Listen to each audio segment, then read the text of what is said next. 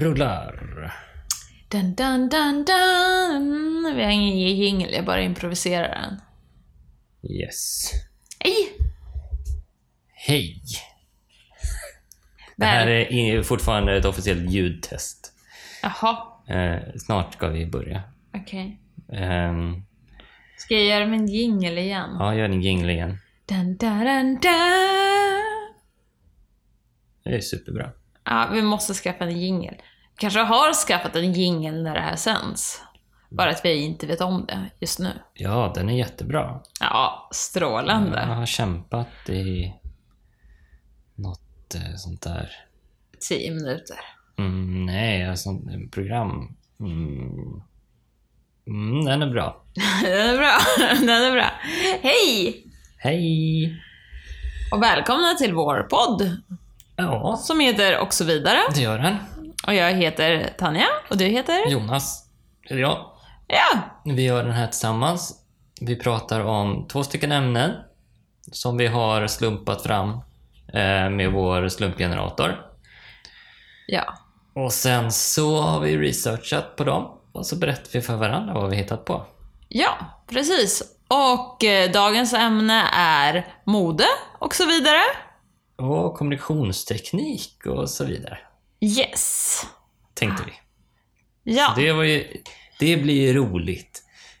För transparens det har ju gått ett tag sedan förra gången vi spelade in och vi har Men det haft, märker ju eh, inte de, de som lyssnar. Nej, nej, nej, nej, nej, det märks inte när man lyssnar. Men eh, det märks i att vi har haft, eh, det, det har varit till och från som, eh, som jag har suttit och researchat saker. Ja. Så man har kommit på saker, glömt bort dem. Jag tycker det är lite pinsamt hur lite research jag har gjort under den här tiden. Vi har haft annat att göra. Ja. Vi får ändå, eh, vi får ändå säga det. Ibland så kommer ju så familj och resor och mål och konserter i vägen. Maraton. Födelsedagar. Ja, sådana grejer. Sådana grejer. Det är sånt som händer. Sånt som händer bara. Ja. Hur länge med med det? Men vi valde ämnena för ganska lång tid sedan. Vi har bara inte kunnat få ihop att spela in det. Nej, Men nu är vi här. Hur mår du? det är bra. Det är i alla fall varmt, det kan man väl säga. Utan att I avslöja vårt för mycket. kök. Ja, i köket. Oj, här är det varmt. Oj, oj, oj. Vi kanske har haft ugnen på. Vet inte hur det är ute. Det kanske är vinter ute. Men det kanske snöar. Mm. Det kanske är storm. Mhm, Regn. kan det vara. Natt. Dag. Vem vet? Vem vet? Sigge mår bra i alla fall. Katten. Ja, han är inte med oss för tillfället. Vi får se om han kommer Ja, in senare. Vi hojtar om han börjar klösa på dörren. Ja, ni märker. Ni hör ju. Det hörs. Ja. Ja. ja men så är det. Eh, hur mår du själv? Jo, nej, men jag mår jättebra nu. Det gör jag. Alltså, jag känner så här. Kul! Kul att sitta här. Kul att vara här igen. Det var ju som sagt ett tag sedan. Mm. Och sen så är det lite härligt med att man är lite så varm och svettig och har lite kallt vin. Ja. Det, men vilka klyschor vi är att vi sitter med liksom ett glas vin vartenda avsnitt. Det låter ju som att vi är smått alkade, men det, det, det var ju rätt länge sedan Jag har inte druckit något sen dess. Det har du visst. Nej, det har inte hänt. men eh, ja. Det är ett tillfälle av de tillfällena man har för att eh, liksom eh, Eller hur? Att, hålla på med sånt där. att podddricka. Tryckte du precis in min mikrofon? Jag tryckte in den lite till.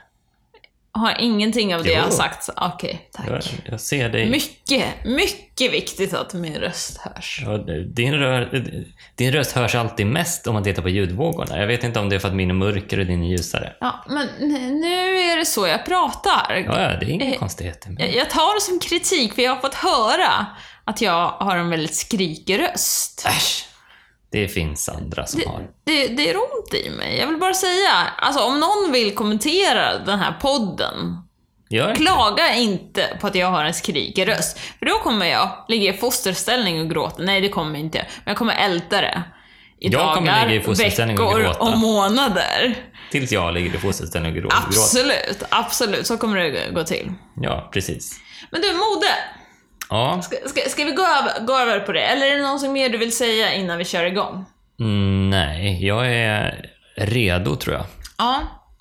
Eh, men sist så körde Bobby Gibb Yes. och uh, Catherine Switzer. Med lite mer fokus på Bobby Gibb. Mm. Ja, men jag gillade det sättet att berätta någons historia. Okej. Så att eh, när vi sa mode så tänkte jag, ja, jag berättar väl någon historia om något knasigt plagg eller någon, någonting sånt roligt. Eller kanske, vem var det som blev mördad? Versace. Säkert. Jag, jag, jag tänkte, jag drar upp den grejen. Säkert jättemånga modeskapare som har blivit. Eh, ja, men det var någon av de här. Det var säkert. Ja, sak samma. Men sen kom jag på att jag, jag hade ett så här svagt minne av att jag har lyssnat på något radioprogram eller någonting. Om någon modell som bara så här fick mig ja, men väldigt fascinerad. Att jag var liksom... Ja, men... Eh, hur ska jag uttrycka? Jag vill säga blowed my mind, men det... Ja, det, det känns överdrivet, men någonstans däremellan. Som, mellan fascinerad och blow my mind, så, så, så fattar ni. Puttad av stolen. Åh, nej. Det lät också lite väl dramatiskt. Jag blev bara lite, lite grann så här: wow! Ja. Oj, det här, att jag inte visste det här. Ja. Men det här var ju för några år sedan. ja. Och jag hade liksom ingen aning om vad det var jag hade lyssnat på. Nej. Men, jag har hittat programmet. Ah. Och tydligen så äh, lyssnade jag på um, Sveriges Radio, sti- programmet Stil från um, 29 november 2013. Yes. Äh, så lyssnade jag om på den igen och jag bara, det här tar jag. Äh, och så ville inte jag bara sno programmet rakt av. Nej. Eh, så jag, så, så jag sökte och gjorde lite mer research. Problemet är att jag till slut fick i princip ta allt de tog upp i programmet ändå. För i princip, det finns väldigt lite fakta eh, om den här modellen som jag kommer att prata om.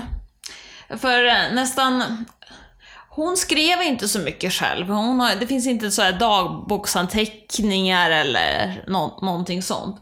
Utan det som finns, då är det en journalist som heter Jean-Noël Liös som har gjort en biografi över henne som passade liksom på innan alla som kände henne dog.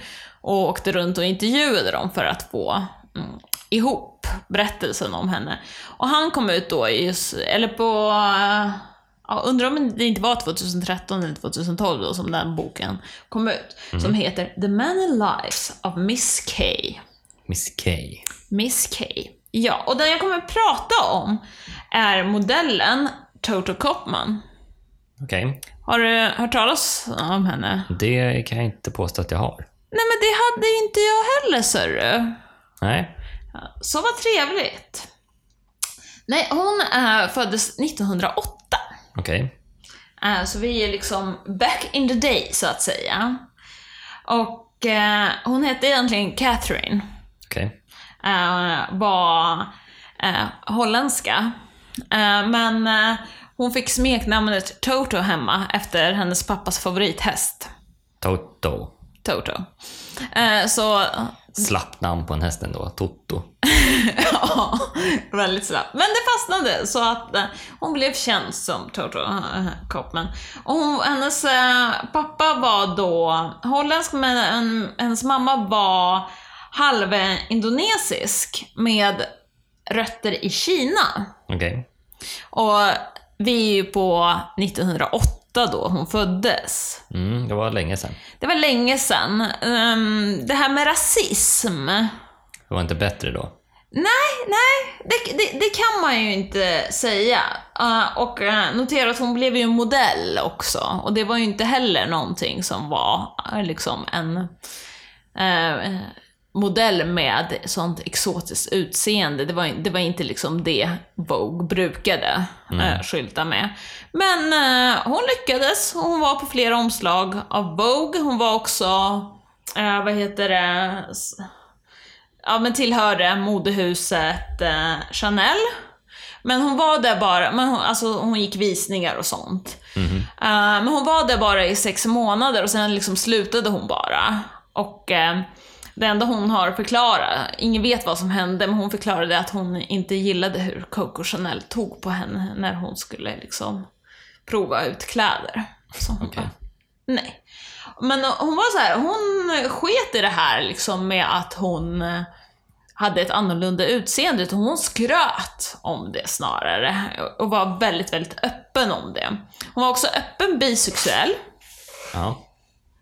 Ba, bara en sån grej liksom. På den tiden. Eh, Så att, ja men eh, hon var en persona, så att säga. Men eh, 1934 eh, så träffade hon Lord Beaverbrook. Mhm. Som var en sån där, ja men så tänk dig nu dagens, eller för tio år sedans Murdoch liksom. Han var verkligen en mediemongul I på den tiden. Ja, nu är vi i Storbritannien. Det är lite svårt att, jag- ska försöka hålla mig till länder, men hon reser ju överallt. Eh, Så hon är verkligen en världsmedborgare, Ja. så att säga. Men, och han var ju gift, men de, de inledde ändå en affär, det sket hon i. Och eftersom han var också en sån här mediemogul så höll han på väldigt mycket med avlyssning, för han vill ju ha koll på saker och ting. Men så de inledde en affär och hon började spionera åt honom. Så hon åkte runt på olika operaföreställningar i Europa och, sam- och liksom spionerade då på den tidens nazist och fascistelit åt Beaverbrooks räkning. Vad ville han med det då? Alltså tjäna pengar bara? Ja, han ville veta vad som, vad som hände, vad som han skulle skriva om. Jag, jag är inte jätteinsatt i Lord Beaverbrook. Eh, Men eh, grejen är att eh, efter ett tag så förälskade hon sig i hans son. Oj då. Ja, ja. Unge Lord Beaverbrook och inledde en affär med honom. Ja. Det gillade ju inte den äldre. Jaså? Nej, nej, nej. nej men så han, han svartmålade verkligen henne, så att, så, så- såg till henne att få henne utfryst från Londons eh, societet och så, så mutade han sin son. Han bara, du får så här mycket pengar om du lovar att aldrig gifta dig med kvinnan. Ja. Och Toto bara garvade, hon bara, ta pengarna för i helvete, för hon hade inget intresse att eh, gifta sig. Så de tog pengar och spenderade dem tillsammans, fortsatte ha en affär. Men de hade, i- hon- var väl- väldigt så bestämd med att hon varken ville gifta sig eller ha barn. Det här är inte ens en av hennes mer exklusiva affärer. Vi kommer till fler grejer. Eh, Ja, men relation med eh, den unge Beaverbrook tog slut så småningom och hon flyttade till Italien 1934. No, eh, 1939, ursäkta. Notera årtalen här, de är ganska viktiga. Europa 1939. Det var lite svajigt. Var lite svajigt, precis. Men där träffade hon en snubbe som hade då eh, kopplingar till motståndsrörelsen I Italien. i Italien. Så antifascist var han ju. Mm. Eh, och när andra världskriget startade, då liksom började hon jobba som hemlig agent för de allierade. Ja. Alltså man bara, vilket jädra liv! Modell, Coco Chanel, Lord Beaverbrook, hemlig agent åt de allierade. Eh, men eh, det, det gick bra ett tag. Men eh, 41 så arresterades hon av italiensk polis och satt flera år i italienskt fängelse. Men det- vi pratar ju Toto eh, Copeman. Så efter några år så flydde hon från fängelset med hjälp av före detta fångar. ja. Mm. Är det fortfarande, vilket år var det sa du? Alltså hon arresterades 41 och så satt hon där i, i jag vet inte årtalen, några år har jag fått liksom. Eh, jag, har, jag har letat efter årtalen men jag vet inte hur. Men det är krig, fortfarande krig. Det är fortfarande krig. Ja, absolut, absolut. Nej men, eh, så hon flydde med hjälp av före detta fångar, men hon fortsatte liksom med underrättelseverksamhet. Det var inte så att hon gick under jord, alltså hon gick ju under jord, men hon fortsatte med sin verksamhet. Hon hjälpte andra flykt, flyktingar, var tolk åt brittiska fallskärmsjägare. Hon talade ju fem språk flytande. Mm. Såklart. Yes. Men eh, sen gick det åt helvete. Eller, nej, vänta lite. Det går åt helvete strax. Men hon var också så här i Venedig på en middag för den lokala fascistfalangen. Jaha. Och du vet, hade klätt upp sig till tusen, det var liksom bling-bling, fina plagg och du vet, minglade och skålade med fascisterna. Ingen misstänkte någonting. Nej. Alltså helt. Hon visste hur man pratar och tar sig in. Ett socialt geni skulle man kunna säga. Jo. Men, eh, och, och notera också att hon har ju, hon är ju också halvindonesisk, men hon tar sig in liksom bland fascisterna. Eh, eh, men vad heter det, några dagar efter det så gick det åt helvete helt enkelt. Utan hon tillfångatogs igen och eh, skickades till Ravensbrück. Eh, som var ett eh, koncentrationsläger på den tiden Ja. för kvinnor, eh, norr om Berlin. Ja, ja. Jag var tvungen att kolla upp lite om eh, Ravensbrück och det är inte ett så trevligt ställe alltså. Nej. Eh, bland, bland, en av arbetsuppgifterna som eh, kvinnorna kunde ha där, det är att tillverka gödningsmedel.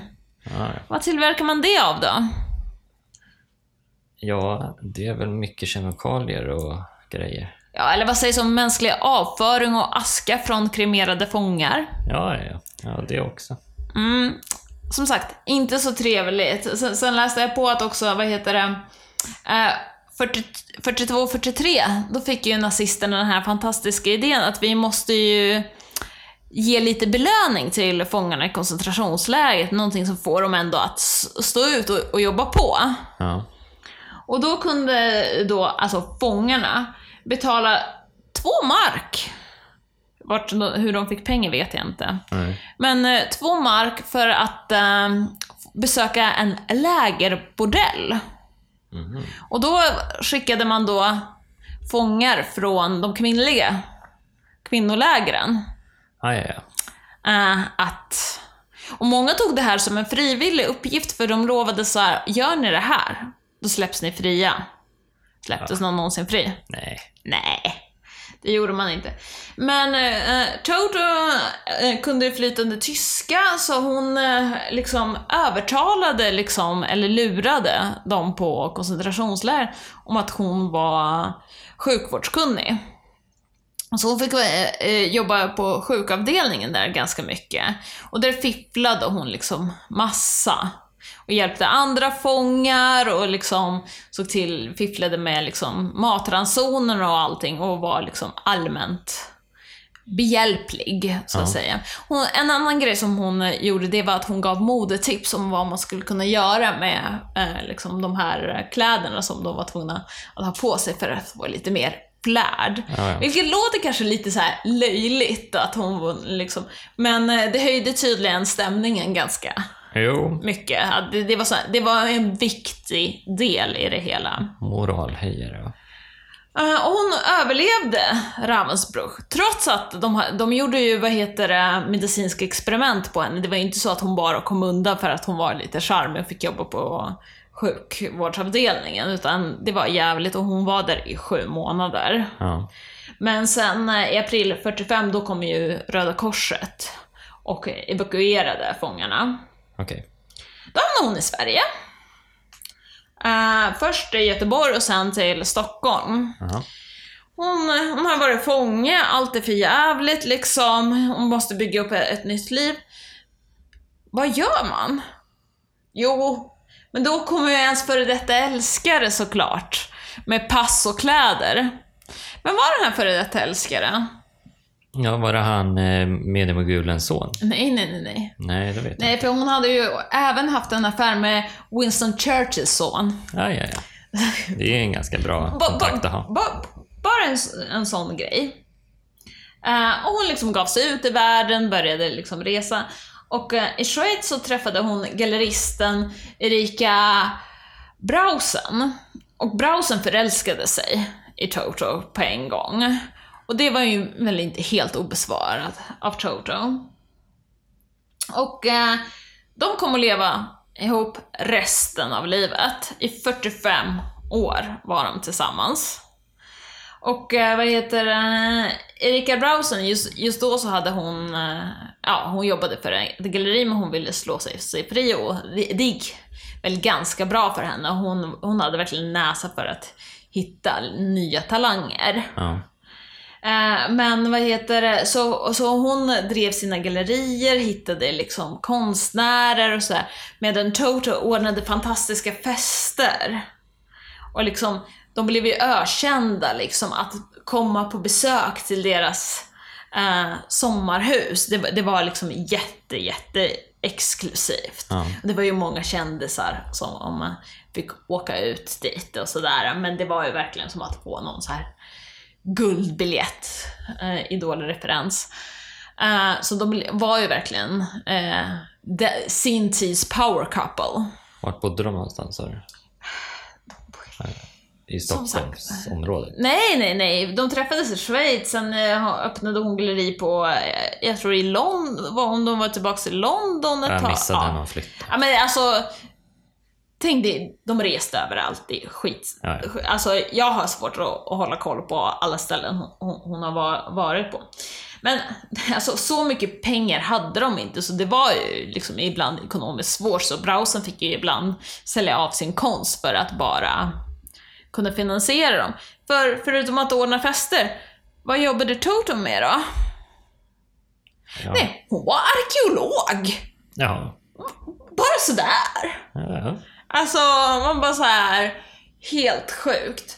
Och de liksom fortsatte sitt liv och hade det jättebra. Men sen vid 82 års ålder, då fick eh, Toto en stroke och eh, bröt höften. Och eh, de beslutade då att hon skulle vårdas hemma av Erika.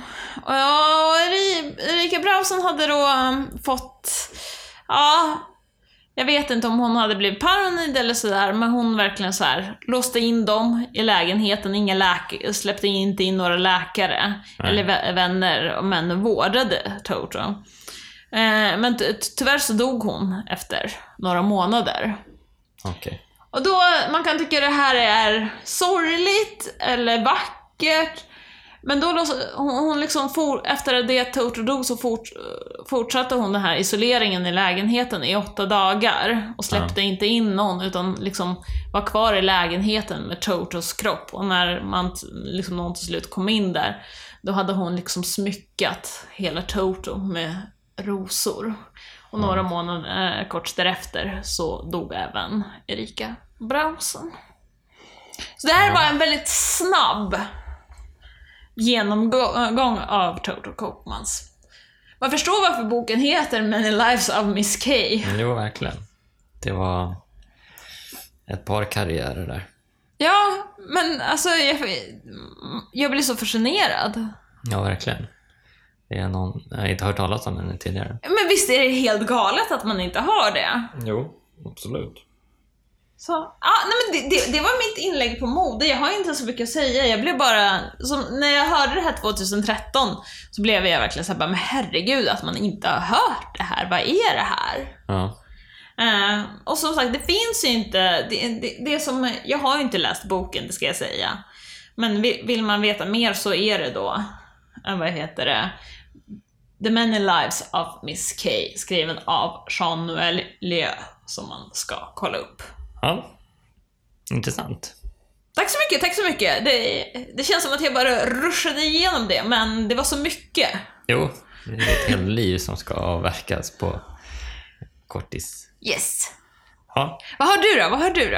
Eh, jag har ju inte alls uh, något eh, som liknar ditt. Ja, men det är väl härligt?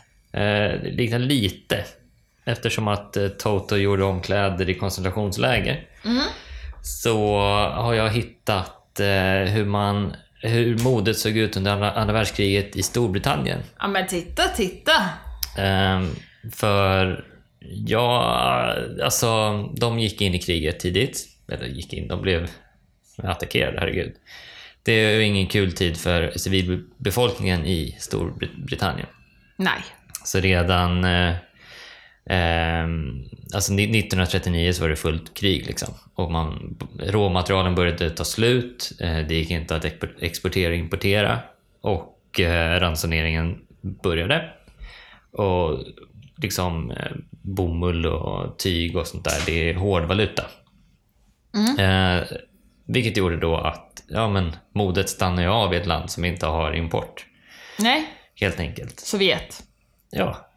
Men eh, Ehm, då, då gjorde man i alla fall så här att man eh, som eh, person fick man sådana kuponger som man kunde byta in mot, eh, mot kläder. Ehm, eller liksom sånt där. Ehm, men då, då var man plötsligt, tvungen att tänka väldigt liksom funktionellt helt plötsligt. Att allting skulle passa, det skulle hålla och det skulle liksom det skulle vara. Och då är modet också, hur, hur kul kan det bli? Men de lyckades Det fixa skulle det. vara praktiskt. Jo, precis, men de, de lyckades fixa det. Eh, 1939 så gav staten ut 40 miljoner gasmasker till befolkningen utifall att. Ja, Såna här eh, ja, men klassiska gasmaskerna, de, de stora. mm, jag, jag ser Doctor Who-avsnittet Ja. framför mig. De, Titta på Doctor Who, väldigt bra serie. de Väl- kom i en pappkartong. Förlåt!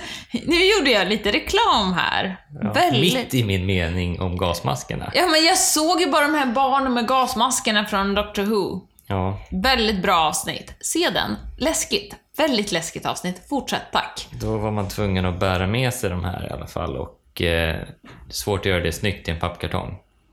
Eh, så att eh, då var det någon stjärna som producerade en, en liten handväska med, ett, ett in, liksom, med plats för gasmasken längst ner. Väldigt stilig. Eh, nu är det här ett ljudmedium så jag kan inte visa bild. Men väldigt trevlig liten väska. En svart handväska och sen nere är en typ av cylinder där man kan stoppa in sin gasmask i. Så ser det ut som en riktig handväska. Vi kanske kan lägga ut någon bild på våra Instagrams. kan vi säkert göra. Om vi Eh, kommer ihåg det här. Ja. Ehm, och det var också blackouts 1939 för att undvika att man släckte ner städer. För, hade mörkläggningsgardiner och grejer. Ja, precis. Så att inte eh, tyskarna skulle se vart de bombade någonstans. Mm. Helt enkelt. Eh, men det ledde till att många personer blev påkörda av bilar som också hade, så här, de hade dimmade ljus. De hade, ehm, ja, alltså vid strålkastarna så satte man en liten, eh, en liten hetta på. Så att, eh, så att det, strål, det bara gick neråt. Och personer syntes väldigt dåligt eftersom att det var mörkt överallt. Så det var många som blev påkörda. Så Men de, usch! de skulle klä sig i vitt eh, så att de skulle synas bättre. Men då kom de också på och, att, att skapa lite stiliga och härliga knappar i eh, olika självlysande material. Eh, och handväskor och annat eh, som man kunde sätta på sina kläder så att man syntes. Man reflekterade, alltså reflexer Ja. ungefär. Väldigt fina, jag kan lägga upp en bild på dem också. Ehm, så det var ett typ av eh, mode som tvingades fram. Det fanns också en, eh, en, eh, en siren suit, en typ av one piece som man skulle dra på sig om man, om man behövde springa ut snabbt. Om, om liksom flygplanen kom och man var tvungen att sticka från huset och Uppsöka bunker, typ. ja, typ Eller skyddsrum heter det väl? skyddsrum. Ja. Så att eh, då gjorde man en, eh, en, alltså en eh, statligt fixad jumpsuit men den lyckades man så- också snofsa till och Churchill hade en, en egen eh, jag vet inte, skräddarsydd som man ofta sågs i. En, en sån här en jättefin med en liten sån Ja, det ser ut som man, man skulle kunna ha den idag. Alltså sån typ av one piece, du vet de här långa benen. Ja. Ja, typ en sån. Ja. Jättesnygga. Eh, så man, jag tror att det är, det är moralhöjande att liksom skapa någonting fint i det när man, har, när man liksom bor i total skräck. Ja men absolut. Ska man ha någonting att ta fasta vid. Ja, men jag, jag, jag tänker också så här, det är väl inte alltså, konstigt att... Äh, nu, nu pratar vi mode, men bara för att liksom eh, gå till extrem. Det är väl inte konstigt att personer som mår dåligt liksom eh, kanske börjar liksom hetsäta eller liksom börjar göra sig av med pe- pengar onödigt mycket på shopping och, eller så här. Man behöver liksom nå någonting i ett mörker som får en att känna sig bättre, även fast det är inte rationellt att kanske göra saker värre i just mina exempel. Eh, Men det är väl inte så jädra konstigt. Nej, och det, det tog den eh, brittiska staten fasta på 1942. Då skapade man en kollektion av billiga kvalitetskläder. Men de, de skulle kvalitetsmärkas. Ehm, så att det var kläder man, skulle, man bytte in för kuponger. De hette Utility eh, Clothing. Och de eh, kvalitetsmärktes eh, med CC41, eller Civilian Clothing 1941. Då var det så här, det var ett sätt att kläderna skulle hålla längre för att det är samma pris. Och för att de inte skulle bli tråkiga. ehm, eftersom att ja, det blev så att alla då skulle ha de kläderna. Ja, men tänk, tänk dig en uniformskedja nästan. Ja. Men de var superrädda för att det skulle bli just en uniform. Eh, så att alla såg likadana ut i England under den tiden. Och det ville man ju inte med tanke på vad tyskarna gjorde. Man var ganska emot eh, alla typer av diktatorer och eh, eh, liksom sådana typer av system. Där man liksom. Koncentration av befolkningen. Precis, så då an, anställde man en hel eh, hop av designers. Som alla fick upp, uppdraget att inom väldigt snäva ramar skapa väldigt snygga kläder som man kunde variera men som skulle då hålla en, en prisintervall, det skulle vara i kvalitet och det skulle vara liksom allt det här. Det, det låter lite grann som, eh, kommer du ihåg när Jamie Oliver skulle eh, reformera det, brittiska skolköket fast med kläder? Ja, typ så. Man, eh, man skulle känna att så här, men jag kan faktiskt variera mig inom utility clothing-universat ungefär. Ehm, och Det finns bilder på dem också. och Vissa plagg är sånt som man absolut skulle kunna ha idag. Det var en jättefin kappa så här, som är ganska tjockt och härligt tyg. Men, eh, ja, men skapad i en det, det är väldigt billig penning med bara så här billiga material. Alltså mer sånt idag. För, för idag känns det tvärtom att vi har hur mycket kläder som helst. Men man köper dem och kanske har dem i liksom ett halvår, sen faller de isär. Ja, nej, och de här skulle hålla ett helt krig eller liksom, eh, ja, det skulle hålla så länge som möjligt. Ja, för de visste ju inte när kriget skulle ta slut. Nej, jag hade ingen aning.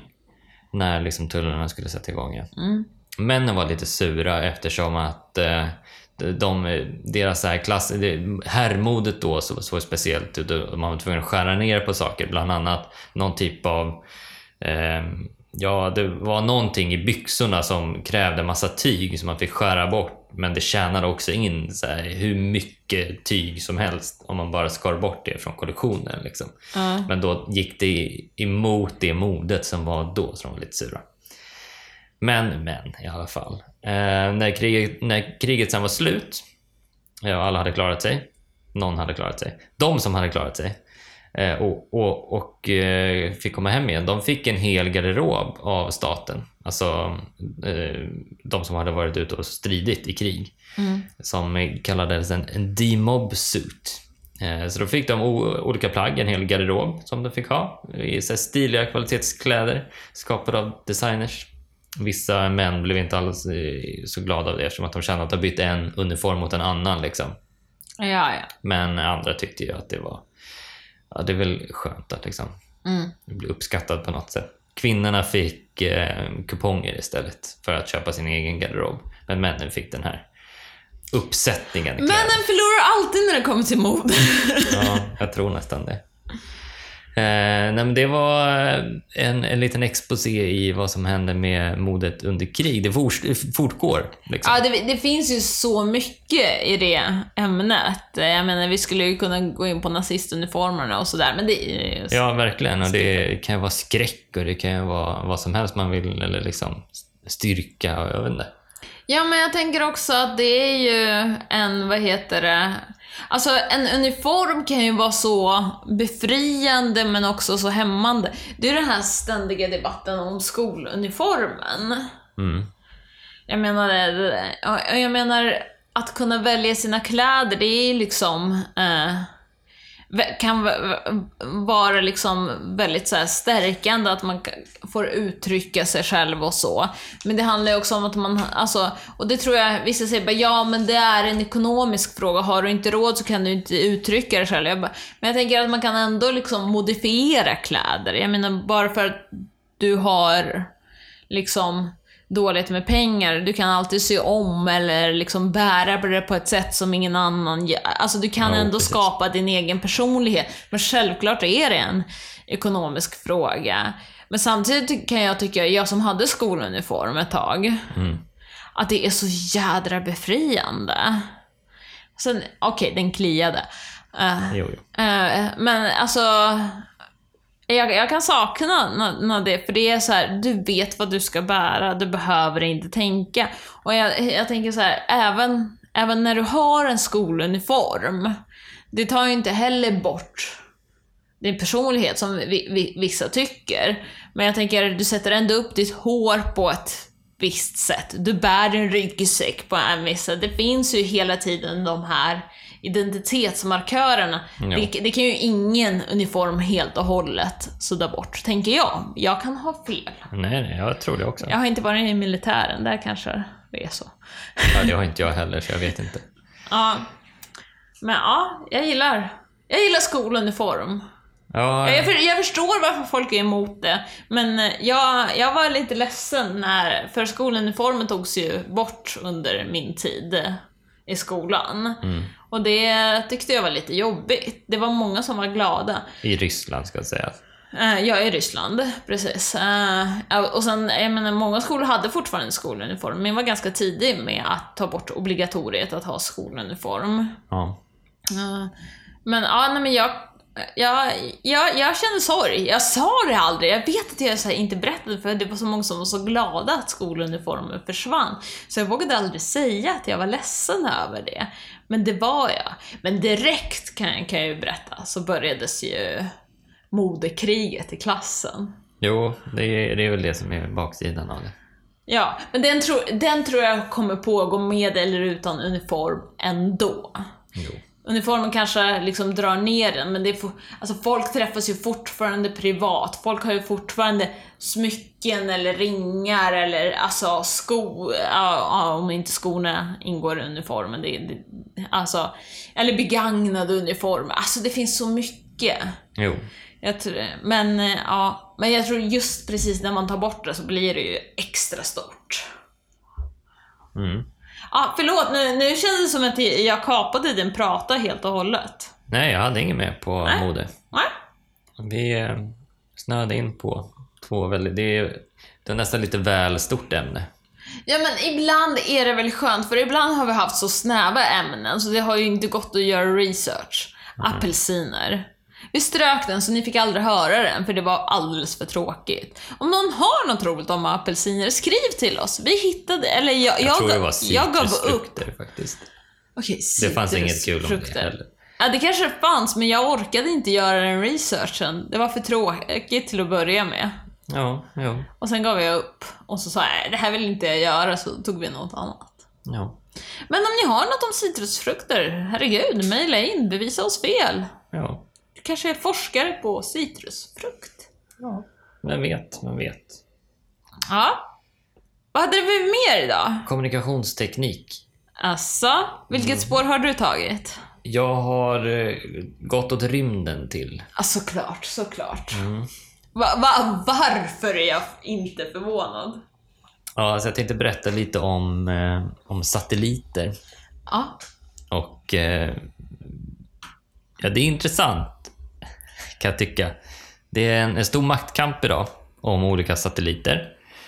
Där eh, Google och Facebook vill övervaka oss. Ish. Det gör de ju redan. Men, ja jag bara vadå? men de, de klär det i att de vill ge internet till eh, eh, alla hörn i världen. Mm.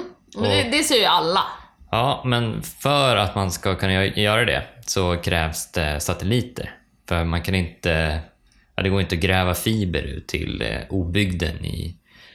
Jag vet inte, någonstans i Sibirien eller i, någonstans i Jämtland. Liksom. Det är svårt att få ut kablar, så då måste man ha sat- satelliter va? Mm, mm. skickar man upp dem. Och satelliter funkar så att då kan man skicka en signal från jorden som man skickar upp till satelliten. Den kan skicka det vidare till en till satellit eller så kan den skicka ner till jorden igen. Alltså man studsar signalen. Helt enkelt. Så tar man emot den på jorden på något annat ställe eller samma ställe. Det beror lite på hur man vill. Så funkar satelliterna. Ish. Jag är ingen satellit, satellitexpert, men det är så jag har fattat Men att det, funkar. det är 90, inte 99% av våra lyssnare heller. Nej, mycket möjligt, mycket möjligt.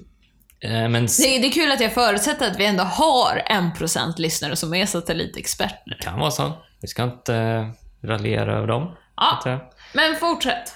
Ja, SpaceX håller i alla fall på med en väldigt stor grej. De vill skicka upp eh, massor med satelliter i, eh, i luften. Närmare bestämt, hur många då? Jo, eh, typ... Eh, ska vi se hur många det var. Jag måste kolla. Bläddra på du. Ja. Du sitter väldigt eh, gulligt med ditt anteckningsblock. Ja, de vill skicka upp, eller just nu så, så ska de, i, i, en, i en första hög av satelliter eh, så kommer de skicka upp typ 60 stycken med en raket. Men sen så vill de nå ett kluster, ett nät av ungefär 12 000 satelliter. Är det mycket? Ja, det är jättemycket eftersom att idag så finns det ungefär eh, 1100 satelliter i drift Okej. eh, där uppe. o- Ovanför oss. Det finns också 2600 som inte funkar längre, som fortfarande är kvar där uppe. Så att det är i, cirka då tre, vad blir det? 3700 satelliter som snurrar runt. Mm. Och de snurrar runt på olika sätt. Det finns något som heter eh, LEO, eller Low Earth Orbit, som är mellan 160 och 2000 kilometer upp. Eh, Leo, där ligger eh, rymdstationen. Den ligger på typ 400 kilometer upp. 40 mil. Rymdstationen, det finns. Den internationella rymdstationen. Ja. Den ligger där, ungefär 40 mil upp. Det är inte så långt upp alltså, det är low earth orbit. För jämför man dem med middle earth orbit, som är det nästa steget, det är mellan 2000 och 33 786 ki- kilometer upp. Det är liksom nästa steg. Och går man ett steg till, som är geo, det är alltså en geostationär bana som är 35 786 prick. För att lägger man någonting... Jag kan inte föreställa mig de Nej, här. men om man tänker sig att, att 40 mil, där ligger rymdstationen. Och när man ser bilder ifrån rymdstationen så ser de ju ändå ut att vara ganska högt upp. Eller hur? Det kan man Ja, ja, men det kan man säga. De snurrar runt jorden på 90 minuter, Ja. ungefär. Men skickar man upp någonting som lägger sig i en, i en geostationär bana, alltså nästan 36 000 meter upp i luften. Nej, kilometer. Eh, då, då hamnar den i en omloppsbana som går lika snabbt som jorden. Så att den står i princip, alltså i, den, den står still i förhållande till punkten den liksom eh, lägger sig i. Så att vill man lägga den över Stockholm, då kan man skicka upp den, lägga den där uppe i den banan och så åker den lika snabbt som jorden rör sig.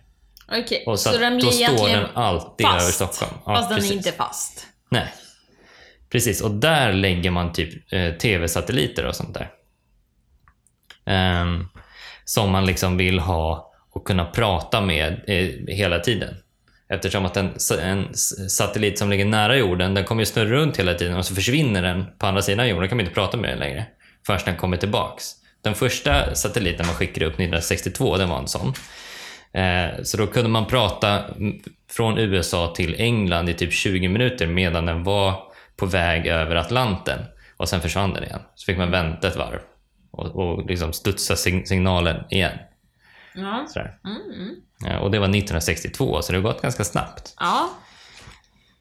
Ehm, varje år skjuts det upp 20-25 satelliter eh, som kostar ungefär 1-2 miljarder styck. Så det är inga billiga grejer. Eh, används nästan bara till eh, så här, TV, bredband, telefoni, radio, all typ av kommunikationsteknik som vi har i princip. Eh, ska man skicka upp via satelliter. Förr trodde man mer på satelliter och så var det en dipp. Sådär att man eh, försökte att lösa allting här nere istället eftersom att det blir en fördröjning med, med dem. Man, liksom, man skickar upp och så måste man vänta på en signal. Det är därför som eh, tv-ankar och grejer, du vet man, när man pratar med USA med någon korre ja. eller när det ska debatteras och så, så Åh, vad tycker du om det? Och så får man vänta ja. och så ska den höra vad de sa och sen komma med ett svar. Liksom. Ja. Satelliter funkar superbra i envägskommunikation för live, liksom i ett håll. Det är därför man kan titta på eh, fotbollsmatcher åt ett håll. Liksom. Man ser det live. Sådär. Men eh, sen så är det, eh, liksom, Ska man prata via satellit så blir det alltid en ping, en sån fördröjning. Liksom. Så det funkar inte så bra. Ehm, vad vill jag komma med det? Jo, att det är lite pro- det är problem med det. Men det är ju för att de här satelliterna lä- lägger man i den geostationära banan som är så högt upp. Så det tar lång tid att skicka upp någonting dit och sen skicka ner det igen. Det är, det, det är därför det får vänta. Men lägger man det där uppe så lägger man det så att det täcker nästan hela jorden. Det är så högt upp. Och sen så lägger man den på e-, ekvatorn så att de har en väldigt vid spridning. Så det är därför man lägger dem där. Man kan liksom titta på OS via satelliten eftersom att det, det kan studsa hela vägen till Japan. Liksom. Mm, mm.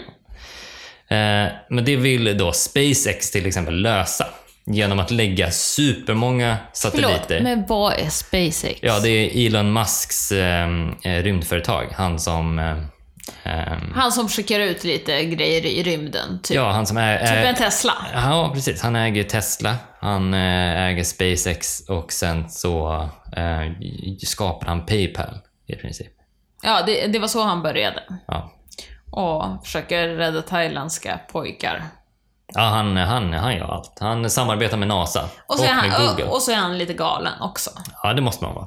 Ja. Om man Men det var nivån. ju Nikola Tesla också. Ja, de tenderar att vara lite tokiga. Eh, men eh, Elon Musk då samarbetar med NASA och med Google, så han vill skicka upp upp eh, en Starlink, kallar han det, som är de här 12 000 satelliterna i ett kommunikationsnät som, som ska ligga i, i low Earth orbit. Alltså närmre jorden. Och de ska då kunna lägga sig som ett nät. Eh, det, det kommer ju snurra nätet det är eftersom att det ligger så nära jorden så att det, det liksom kommer snurra. Men det kommer göra att de här 12 000 satelliterna kan breda ut sig ganska liksom väldigt, ja, ett nät. Ja, som ett nät över jorden. Och då kan liksom, även om man står mitt i Amazonas djungel så kommer man kunna prata med en satellit ovanför sig. Och det är ganska snabbt för att den ligger så lågt. Och då kan man ha internet mitt i djungeln. Och det är en så här frihetsgrej, liksom. att alla ska kunna ha samma förutsättningar för internet och kommunikation. Och alla ska ha samma förutsättningar att bli övervakade. Det är ju en baksida som man kan tänka sig. Ja. Att det liksom... Jag tänkte jag bara slänger ut den. Ja, precis. Eh, men jag tycker det är intressant att, eh, att eh, vad heter det, att eh, satelliter som, ja, det har- kommit så långt liksom, på så väldigt kort tid. Ja. Jag började från 62 och sen bara hit. Det bara skickats upp 4500 raketer ungefär under vår, liksom, människan har skickat upp ungefär så många raketer. Mm. Och jag tänker att det skjuts upp raketer hela tiden, men nej, det är inte ens 5000 som har skickats upp någonsin. Nej, alltså allt är ju relativt. Jag tycker 5000 låter mycket. Ja, man tänker så här, det är ändå mycket som man jo, får veta om rymden. och Ja, bla. jo, jo. Absolut. Jag tycker det är intressant. Eh, Men det finns en, en, en, en liten så snedsteg som kan hända då när man lägger en sån här kluster som ett litet avslut. Så kan man, eh, ett, förutom övervakningen så är ett varningens finger att eh, det kan ske någonting som heter Kessler-effekten. Kessler. Låter bekant. Ja, det är efter den amerikanska astrofysikern Donald J. Eh, Kessler som jobbar på NASA. Mm. Han eh, eh, har en teori om att, säg att några satelliter skulle gå sönder i, i omloppsbana. Ja. Det i sig kommer skapa en kedjereaktion. Eftersom allting går väldigt snabbt där uppe ju. Ja.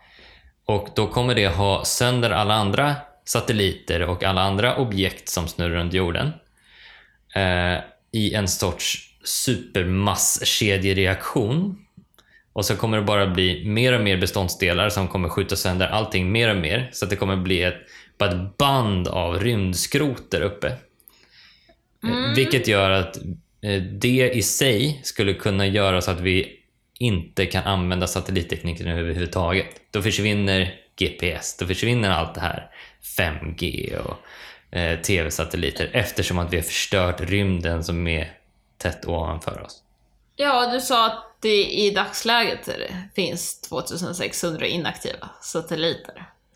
Ja, precis. Så satelliter går ju sönder. Ja, och sen så är det rymdskrot där uppe också. Det här är ju satelliter som har liksom skickats upp som satellit, men sen är det ju alla sådana här grejer som när man skickar upp en raket och faller lite grejer Ja. tillbaks och sen så kan det ligga en omloppsbana och så tar det ett par år innan den, den omloppsbanan är tänkt att den ska gå ner i atmosfären så att det brinner upp. Liksom. Men det här kanske inte du har någon aning om och jag klandrar inte dig för det. Men finns det någon så här forskning eller liksom test på att ta ner rymdskrot? Och det finns jättemycket om det. Eh, Jag har inte läst på om det, men det finns, man jobbar på det ganska stort. Jag har hört saker som superstora magneter. Jag har hört saker som... eh, Det låter sci-fi. Ja, det finns eh, eh, någon typ av trål, liksom någon nätgrej som man skulle skicka upp med någon raket som skulle liksom fånga in saker och trycka ner det. Eh, jag tror det finns eh, olika eh, sätt som man tänker sig att man bara ska trycka tillbaka allting mot jorden så att det brinner upp. Men eh, jag vet inte hur långt de har kommit för jag har inte läst på om det. Nej, Ja, men det har jag om lite men satellitteknik. spännande, spännande. Jag har gått åt rakt motsatta hållet. Alltså? Jag har gått till kablarna. Mhm. Ja, vi rör oss nu till sen 1700-tal. ja, nej men så här är det. Att eh, för ett tag sedan, jag vet, inte- jag vet inte, inte om du kommer ihåg det här, så tittade vi på en frågesport. Ja. Och sen så kom det en fråga. Och jag blev så här bara, jaha, jaha, det här visste jag inte. Nej. Så när vi skulle göra det här med kommunikationsteknik, jag bara, men den grejen! Jag blev ju själv så förvånad över den. Aha. Så den ska jag kolla upp. Och så började jag, började jag researcha på den. Jag hittade inte ett skit om det. Eh, Men kunde inte, men hittade ingenting som uteslöt det heller. Nej. Så jag le- letade lite till och hittade lite mer. Okej. Eh, vi ska prata om uh, morsealfabetet Jaha. och telegrafen. Okej. För... Nu tar jag fram mina papper. 1791, 27 april, Ja. då föddes det en man som hette Samuel Morse. Ja. Eller Samuel Morse, eller vad han nu hette. Och han är ju känd för att vara den personen som eh, uppfann morsealfabetet. Yes. Ja, eller skapade den. Eh, men eh, det som är ganska intressant är att han var ju inte alls intresserad av kommunikationsteknik per se. Nej.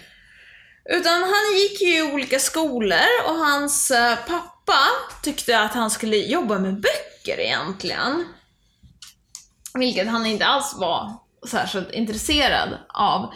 Så han jobbade ju som kontorist i en bokhandel ett tag, men det passade ju honom inte alls.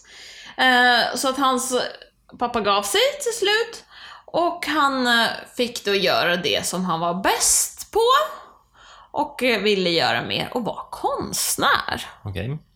Så, eh, och försökte försörja sig som konstnär. Eh, vä- väldigt mycket. Och han fick ju bra kritik liksom. Han, hans verk mm, fick bra kritik men de sålde inte. Så han liksom kämpade, verkligen. Eh, han hade en bror som var väldigt uppfinningsrik och de uppfann liksom Tillsammans så tog de patent på liksom små grejer. Alltså jag, jag vet inte vad det var för grejer. Det, det är liksom Flexible piston Man-powered water pump for fire engines. Ja, men det är så eh, uppfinnare brukar pyssla med. Man tar massor med patent. Ja, precis. Eh, så så det, det är liksom, de gjorde. Men han var ju liksom inte, det var egentligen vad jag förstår hans bror eh, som var den uppfinningsrika, men de, de höll på lite grann. Men han var ju konstnär.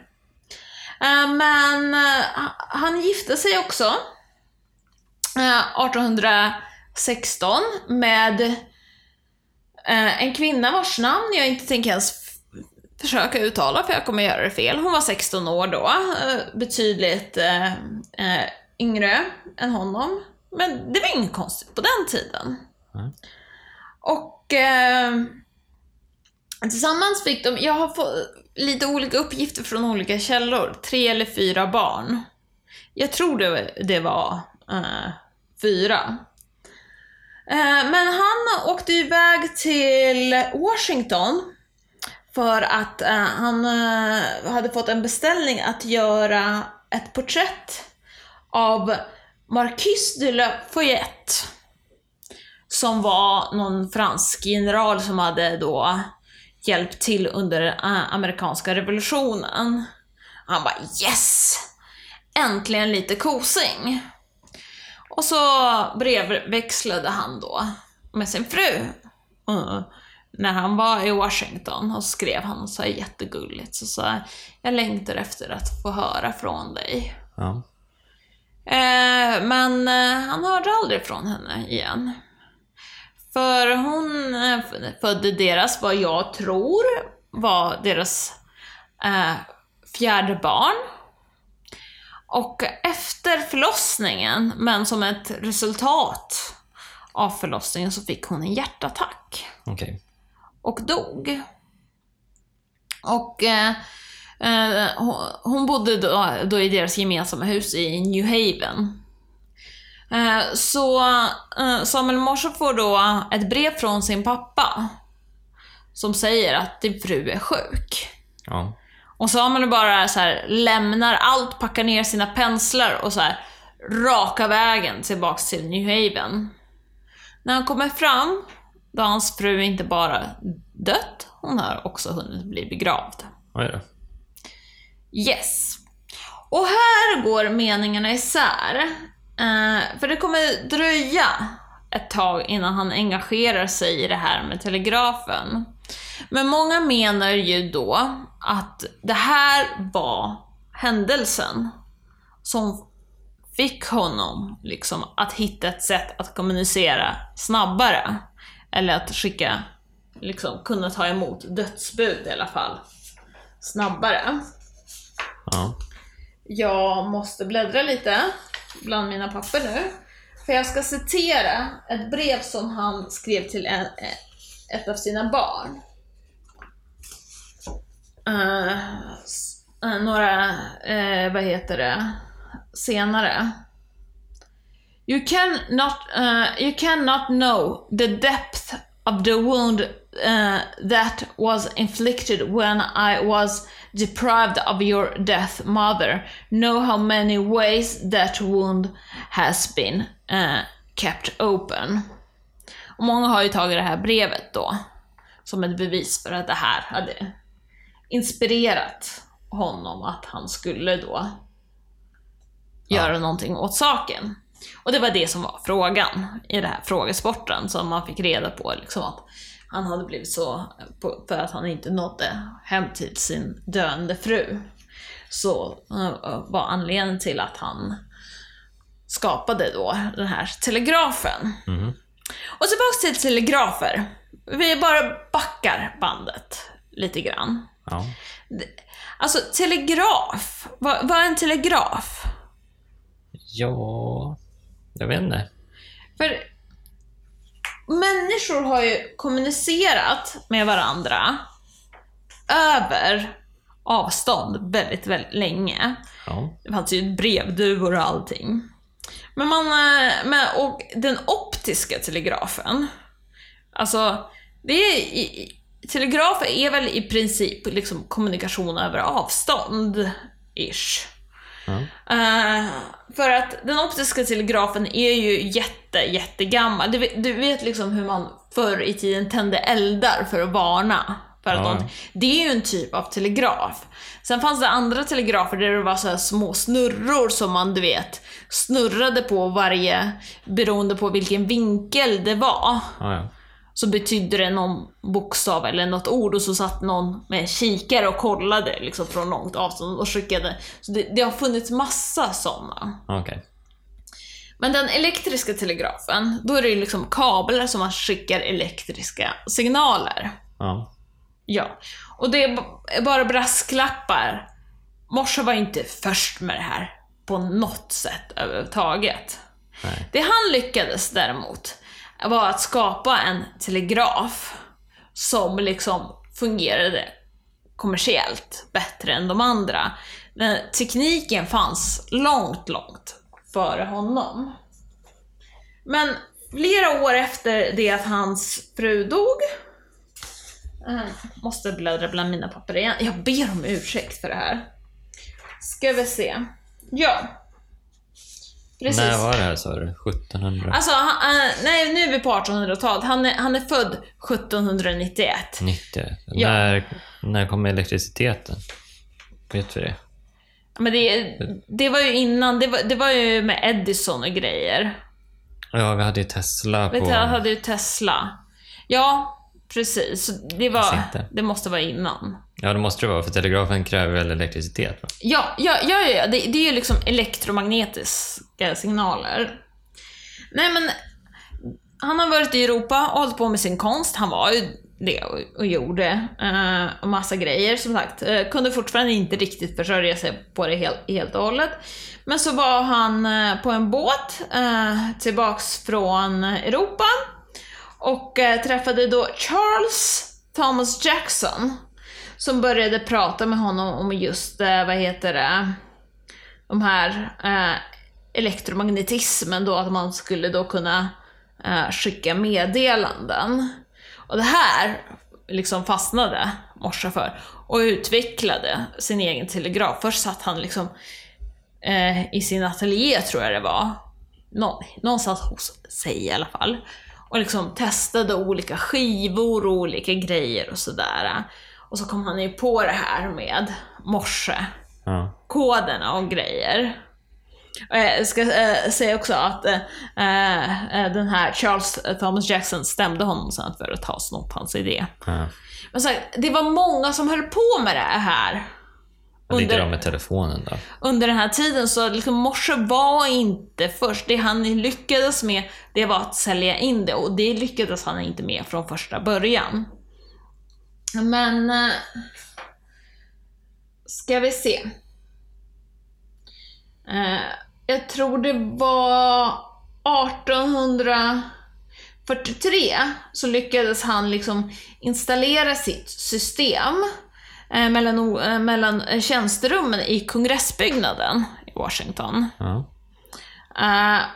Vilket folk bara sa, åh, åh, intressant.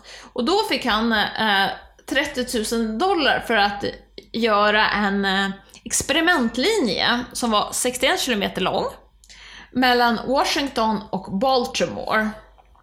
Och eh, det, då skickade man liksom det första meddelandet den 24 maj 1844. Mhm. Som var något så bibelbudskap. Okej. Vilket, ja okej. Eh, Morse var ju också väldigt så här, antikatolik. Okej. Också för slaveri. Jo, det var... Nej, jag, jag, jag bara slänger in den. Jag, jag, jag menar, vi ska, vi, vi ska inte... Var han statstjänsteman på 1840-talet eller vad? Ja, det var ju inte sina politisk, eh, sin politiska gärning som han är känd för.